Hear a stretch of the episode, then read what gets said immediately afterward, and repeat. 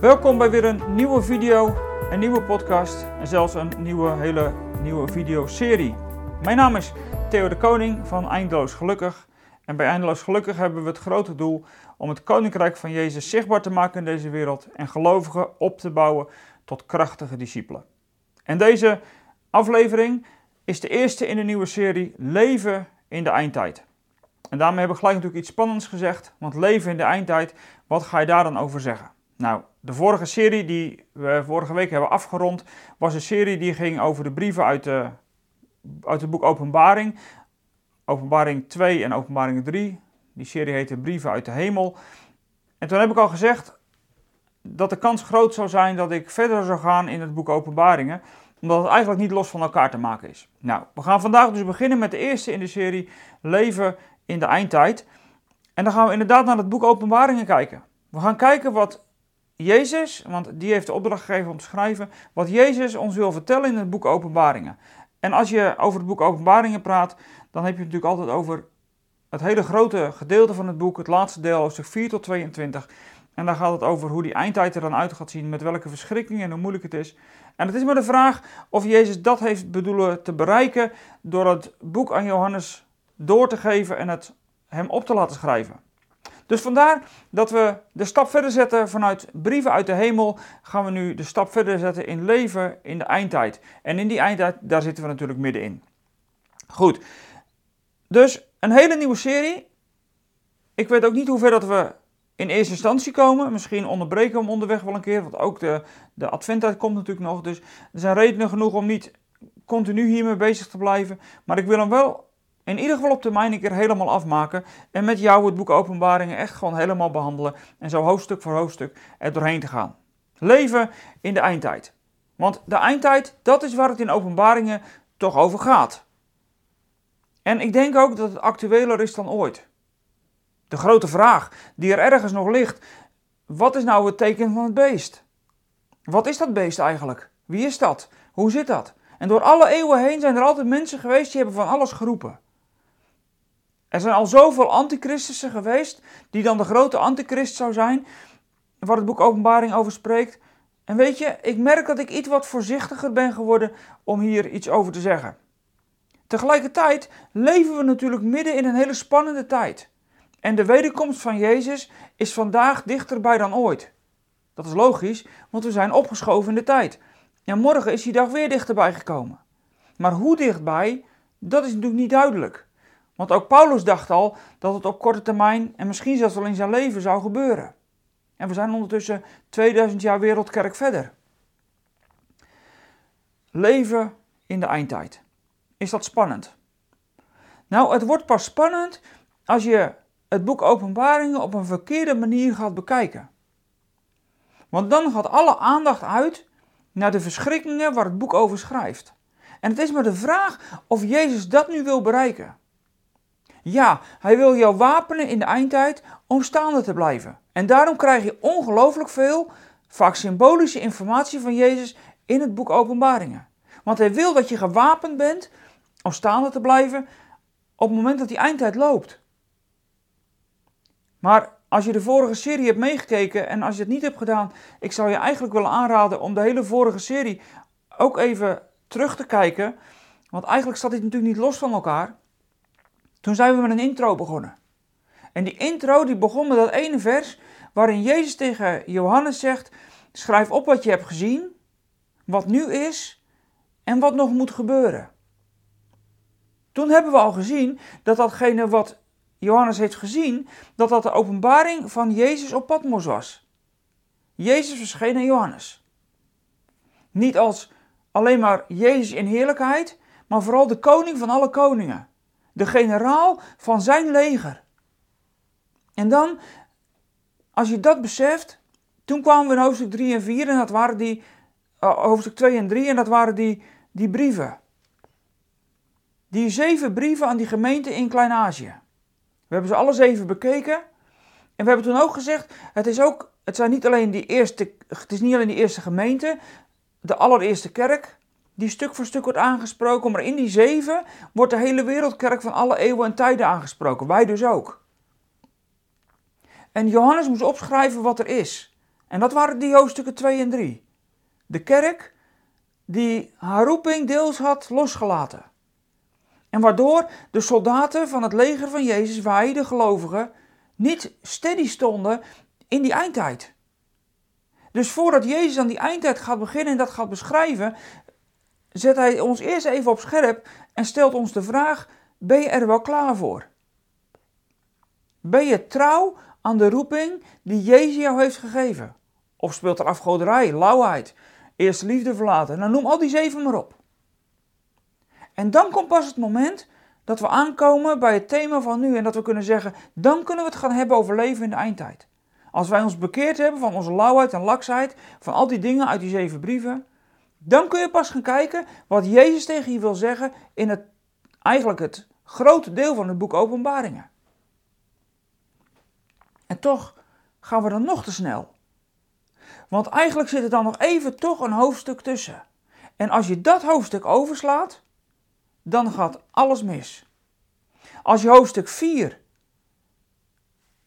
alleen maar voor het tussendoor zou doen, en je gaat daarna lezen over de eindtijd, dan kom je tot de conclusie dat je heel erg gewapend zal moeten zijn, maar dat je ook in de chaos terechtgekomen bent. En daarom schrijft Jezus voor dat Johannes ook hoofdstuk 4 eerst moet, moet schrijven. Na die brieven volgt hoofdstuk 4. Nou, dat hoofdstuk dat zullen we met elkaar lezen. En in deze serie uh, ga ik met je lezen uit de nieuwe Bijbelvertaling 2021, de MBV 21. Hij is nieuw, ik heb hem zelf ook net nieuw. En ik ben er best wel enthousiast over. Waarom ben ik er enthousiast over? Ik denk dat er hele goede verbeteringen in zijn aangebracht. Ik ben altijd heel kritisch geweest op de MBV, omdat ik hem te ver bij de grondtaal vandaan vond staan. Dat vind ik misschien nog wel een beetje. Maar als je het boek Openbaring een beetje wil begrijpen, is een iets leesbare vertaling ook alweer heel fijn. Dus ik heb, neem deze de komende tijd dus met je mee. En uh, als je een andere vertaling meeleest, is het natuurlijk ook helemaal goed. Ik gebruik de MBV van 21 nu. En uh, dan lezen we Openbaringen 4 met elkaar. Ik lees gewoon het hele hoofdstuk. Openbaringen 4. Dat is het hoofdstuk wat ongelooflijk belangrijk is als je durft en wilt leven in de eindtijd. En na die zeven brieven schrijft Johannes dan het volgende. Na, hierna had ik een visioen. Er stond een deur open in de hemel. En de stem die me eerder had toegesproken met het geluid van een bazuin, zei nu: Kom hier boven, dan laat ik je zien wat hierna moet gebeuren. Op hetzelfde moment raakte ik in vervoering en er stond een troon in de hemel en daarop zat iemand. Degene die daar zat had het uiterlijk van jaspis en sadder. En rond de troon was een regenboog die eruit zag als smaragd. Om de troon heen stonden 24 andere tronen waarop 24 oudsten zaten. Ze droegen witte kleren en hadden een gouden krans op hun hoofd. En van de troon gingen bliksemschichten uit en donderslagen en groot geraas. En voor de troon brandden zeven vurige fakkels, dat zijn de zeven geesten van God. Ook lag er voor de troon iets als een zee van glas, van kristal. Midden voor de troon en eromheen waren vier wezens, die van voren en van achteren een en al oog waren. Het eerste wezen zag eruit als een leeuw, het tweede als een jonge stier, het derde had het gezicht van een mens, het vierde leek een vliegende adelaar. En elk van de vier wezens had zes vleugels met overal ogen aan de buiten- en de binnenkant. Dag en nacht zonder ophouden roepen ze: Heilig, heilig, heilig. Is God, de Heer, de Almachtige, die was en die is en die komt. En telkens als deze wezens lof, eer en dank brachten aan degene die op de troon zit, die tot in eeuwigheid leeft, werpen de 24 oudsten zich neer voor hem die op de troon zit en aanbidden hem die leeft tot in eeuwigheid. En ze leggen hun kransen voor zijn troon met de woorden: U komt toe, alle lof, eer, macht, die komt u toe. Heer onze God, want u hebt alles geschapen. Uw wil is de oorsprong van alles wat er is. Best een heel apart hoofdstuk. En wat maakt het hoofdstuk apart? Nou, dat het niet een heftige situatie hier op aarde vertelt. Ook niet per se iets in de hemelse gewesten. Maar Johannes hij is weer in een droom, in een geestvervoering, in een visioen, net hoe je het wil noemen, maakt niet zo heel veel uit. En dan ziet hij dat de deur van de hemel open staat en dat er uit die deur ook een stem klinkt, die hebben we ook in hoofdstuk 1 al horen klinken. Jezus, die spreekt hem toe en die zegt dat hij naar boven moet komen. Nou, eerst maar even die deur. Dat die deur open staat, maakt dat we Johannes hier zien, die mag binnenkijken in de hemel. Als het ware mag hij, mag hij even kijken wat er achter de schermen gebeurt. En dat, dat is niet zomaar dat Jezus hem laat zien wat er achter de schermen gebeurt. En niet alleen hem, maar ook ons. Natuurlijk, we hebben die, die zeven brieven gehad en we weten hoe dat we ons nu moeten wapenen en waar we afstand van zouden moeten doen. Maar om in die, in die eindtijd in te durven stappen, en die eindtijd is natuurlijk al lang begonnen, daar zitten we al middenin. Ik denk zelfs dat je kan zeggen dat die eindtijd begon vanaf de opstanding van Jezus. Niet voor niets waren die zeven brieven in eerste instantie ook geschreven aan de eerste gemeente. Dus daarmee is al duidelijk dat de eerste gemeente ook al in de eindtijd zaten. Maar het wordt steeds heftiger in onze tijd. Er is een stuk van het boek Openbaringen misschien al lang in vervulling gegaan. En de heftigheid neemt alleen maar toe. Dat zie je om je heen natuurlijk gebeuren. En Jezus wil dat we even eerst achter de schermen kijken. En ik wil je meenemen om even mee te kijken wat Johannes daar te zien krijgt. En daarom staat die deur in de hemel open. Die staat open omdat je achter de schermen mag kijken wat daar gebeurt. Je zou, mogen, je zou kunnen zeggen, dat is de kamer van de regisseur misschien wel. Want als Johannes dan binnenkijkt, wat ziet Johannes als hij daar binnenkijkt? Dan ziet hij daar een troon. En dan vraagt hij je dan zou kunnen stellen, maar Johannes, wie zit er dan op die troon? Kijk, als je nu in onze tijd kijkt en de chaos om je heen ziet en de eindtijd tot een, tot een hoogtepunt ziet komen, dan zou je zomaar het idee krijgen dat die troon in de hemel, dat er helemaal niemand zit. Dat dat een vakante troon is. Dat daar niemand regeert vanaf die troon. Want de chaos om ons heen, die lijkt toch wel compleet te zijn. Zou er dan wel iemand regeren? Maar Johannes die mag achter de schermen kijken. En wat ziet hij achter de schermen? Hij ziet achter die schermen dat er een troon staat. En op die troon, daar zit iemand. En die iemand die krijgt geen naam. Dat is misschien wel Joods. De godsnaam sprak je niet uit. En dat doet Johannes hier dus ook niet. Maar hij doet het ook niet, net als bijvoorbeeld in het boek Ezekiel, waar je deze soort beelden ook heel veel tegenkomt. Hij doet het ook niet door diegene op de troon te vergelijken met een mens.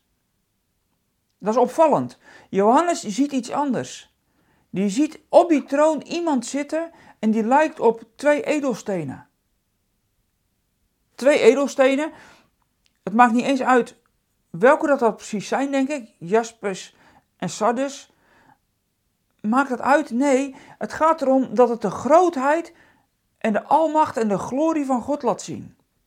En dat het God is, dat kom je natuurlijk tegen als je het hoofdstuk verder uitleest, wat we net ook deden.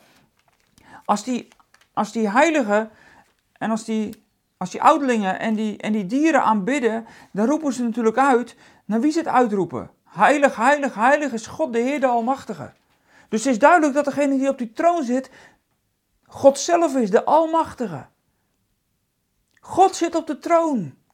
Voordat we de eindtijd instappen en leven in de eindtijd, gaan leven als iets waar we de angst voor zouden krijgen of misschien het gevoel zouden hebben dat er geen controle meer is. Voordat Jozef 5 tot 22 gaat doorlezen, zegt Jezus nog dit tegen je. Er staat een troon in de hemel en op die troon zit iemand. En in iemand, dat is God. Hij is het zelf. Door wiens wil alles is gemaakt wat gemaakt is.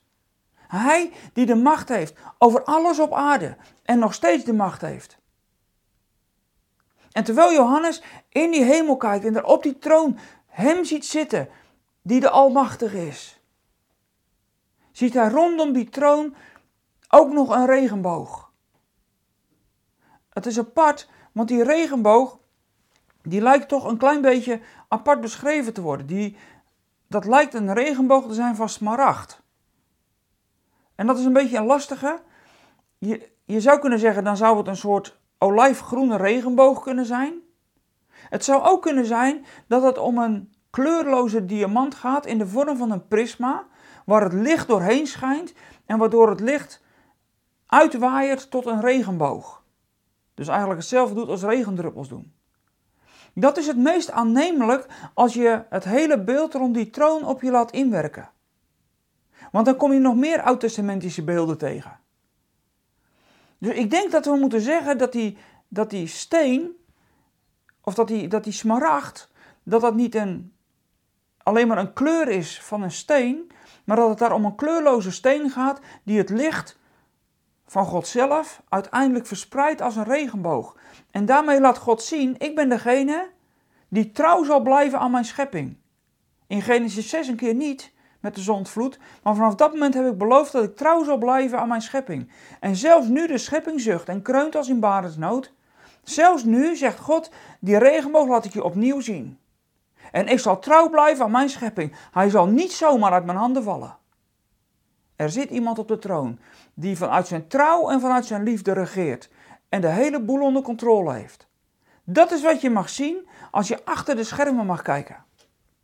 En als je achter die schermen verder kijkt, dan zijn er ook, is er ook heel veel geluid. Donderslagen, bliksemen. Eigenlijk krijg je het beeld terug van de Sinaï, waar God voor het eerst zijn grondwet gaf aan Israël. De heilige God. De God die de Allerhoogste is. En die zijn macht en zijn heerlijkheid en zijn kracht toont, ook in de manier van spreken. Alles laat zien dat de God van de Sinaï, die zijn grondwet heeft gegeven aan Israël, dat de God van de regenboog, die zijn belofte gaf aan Noach, dat die God er nog steeds is en nog steeds regeert. En wat er ook gaat gebeuren in die eindtijd. Er zijn twee dingen belangrijk. Dat je trouw blijft aan je roeping, aan Jezus en aan zijn kerk. En dat je blijft bedenken dat er iemand op de troon zit die regeert. Wat er ook in deze wereld gaat gebeuren. Al krijgen we nog 2400 QR-codes. Onzin natuurlijk zo'n getal, maar goed. Ik roep maar even wat. Al gaat er weet ik wat gebeuren. Dan zit er nog steeds één op de troon. Door wiens wil alles is gemaakt wat gemaakt is. En door wiens wil alles gebeurt wat gebeuren zal. God blijft de Almachtige en blijft trouw.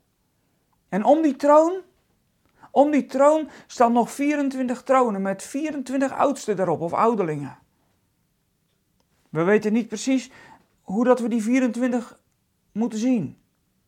Sommigen denken dat het de oudste zijn van de gemeente in de hemel, maar dat lijkt me sterk.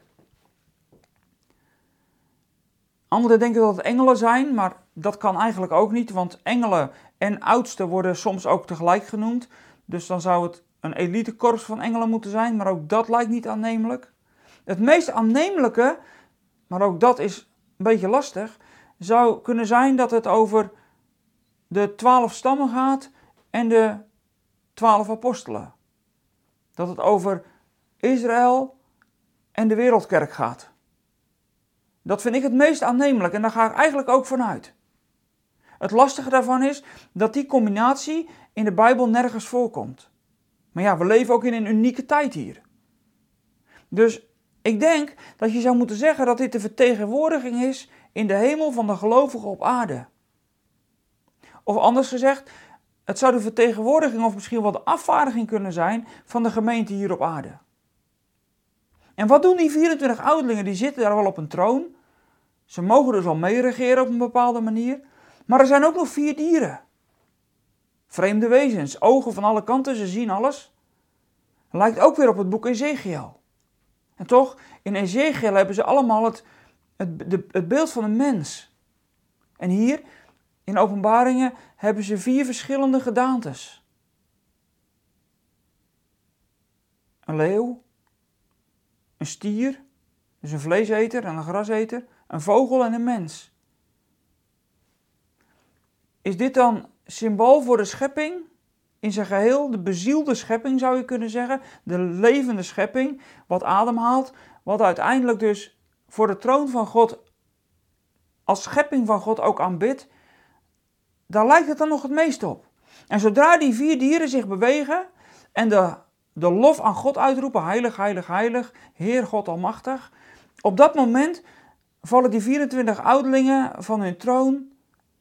De, de, de krans of de kronen gaan van hun hoofd af. En met hun witte gewaden vallen ze neer voor de troon en aanbidden. Als dat de afvaardiging is van de kerk op aarde, van de gelovigen op aarde, dan betekent wat zij in de hemel doen, aanbidden voor de troon. Dat betekent dat uiteindelijk, als dat een afvaardiging van ons is, dat het voor ons dus ook belangrijk is dat we naast dat we trouw blijven aan Jezus en zijn koninkrijk, dat we blijven zien dat er één regeert, betekent dat ook nog eens een keer dat we moeten blijven aanbidden Hem, Hij die regeert. Zodat wat die ouderlingen in de hemel doen een afspiegeling is wat wij op aarde doen, eindeloos aanbidden. En zodra de schepping zijn geluid laat horen en aanbidt, Heer, Heer Almachtig, Heilig, heilig, heilig. Als de schepping hem aanbidt, dan zingen wij mee.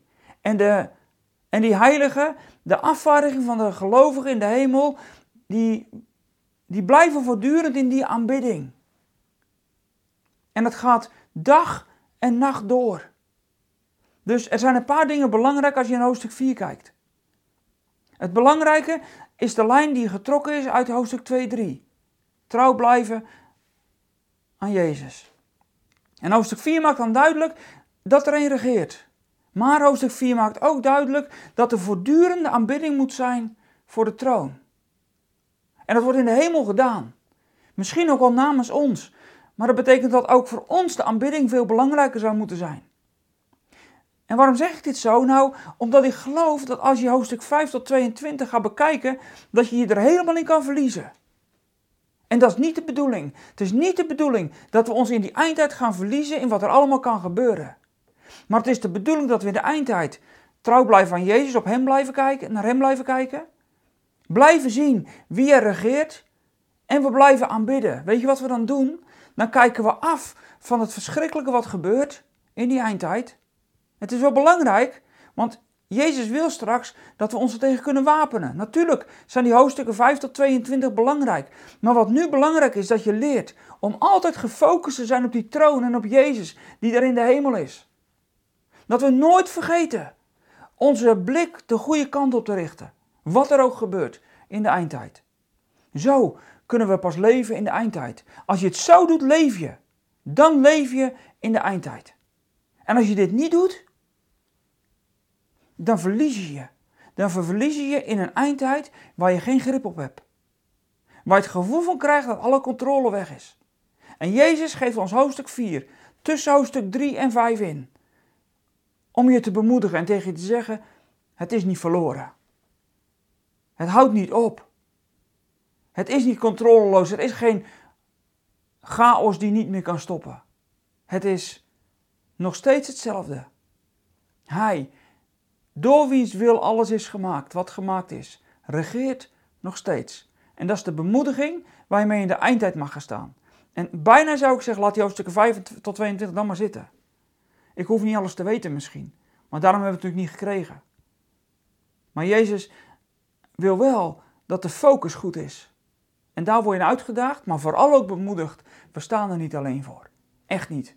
Want er wordt geregeerd vanuit de hemel. En daarom Leven in de eindtijd, dat begint vanuit en bij de troon.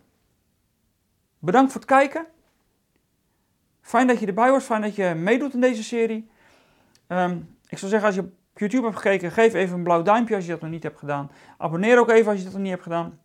Dat vinden we ook altijd fijn. Reageer ook rustig in de comments. Dat is altijd goed. We bouwen elkaar ook op door reacties die we elkaar kunnen geven. Als dat respectvol gebeurt, vinden we dat helemaal geen probleem. Vinden we zelfs heel erg fijn. Dat is dat.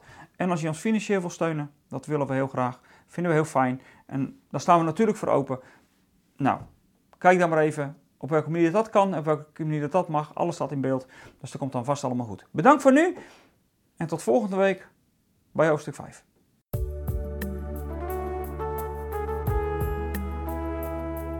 We zijn er weer aan het einde van deze podcast. Spreken deze podcast je aan en wil je ons met de gift ondersteunen? Kijk dan voor meer informatie op www.eindeloosgelukkig.nl slash podcast.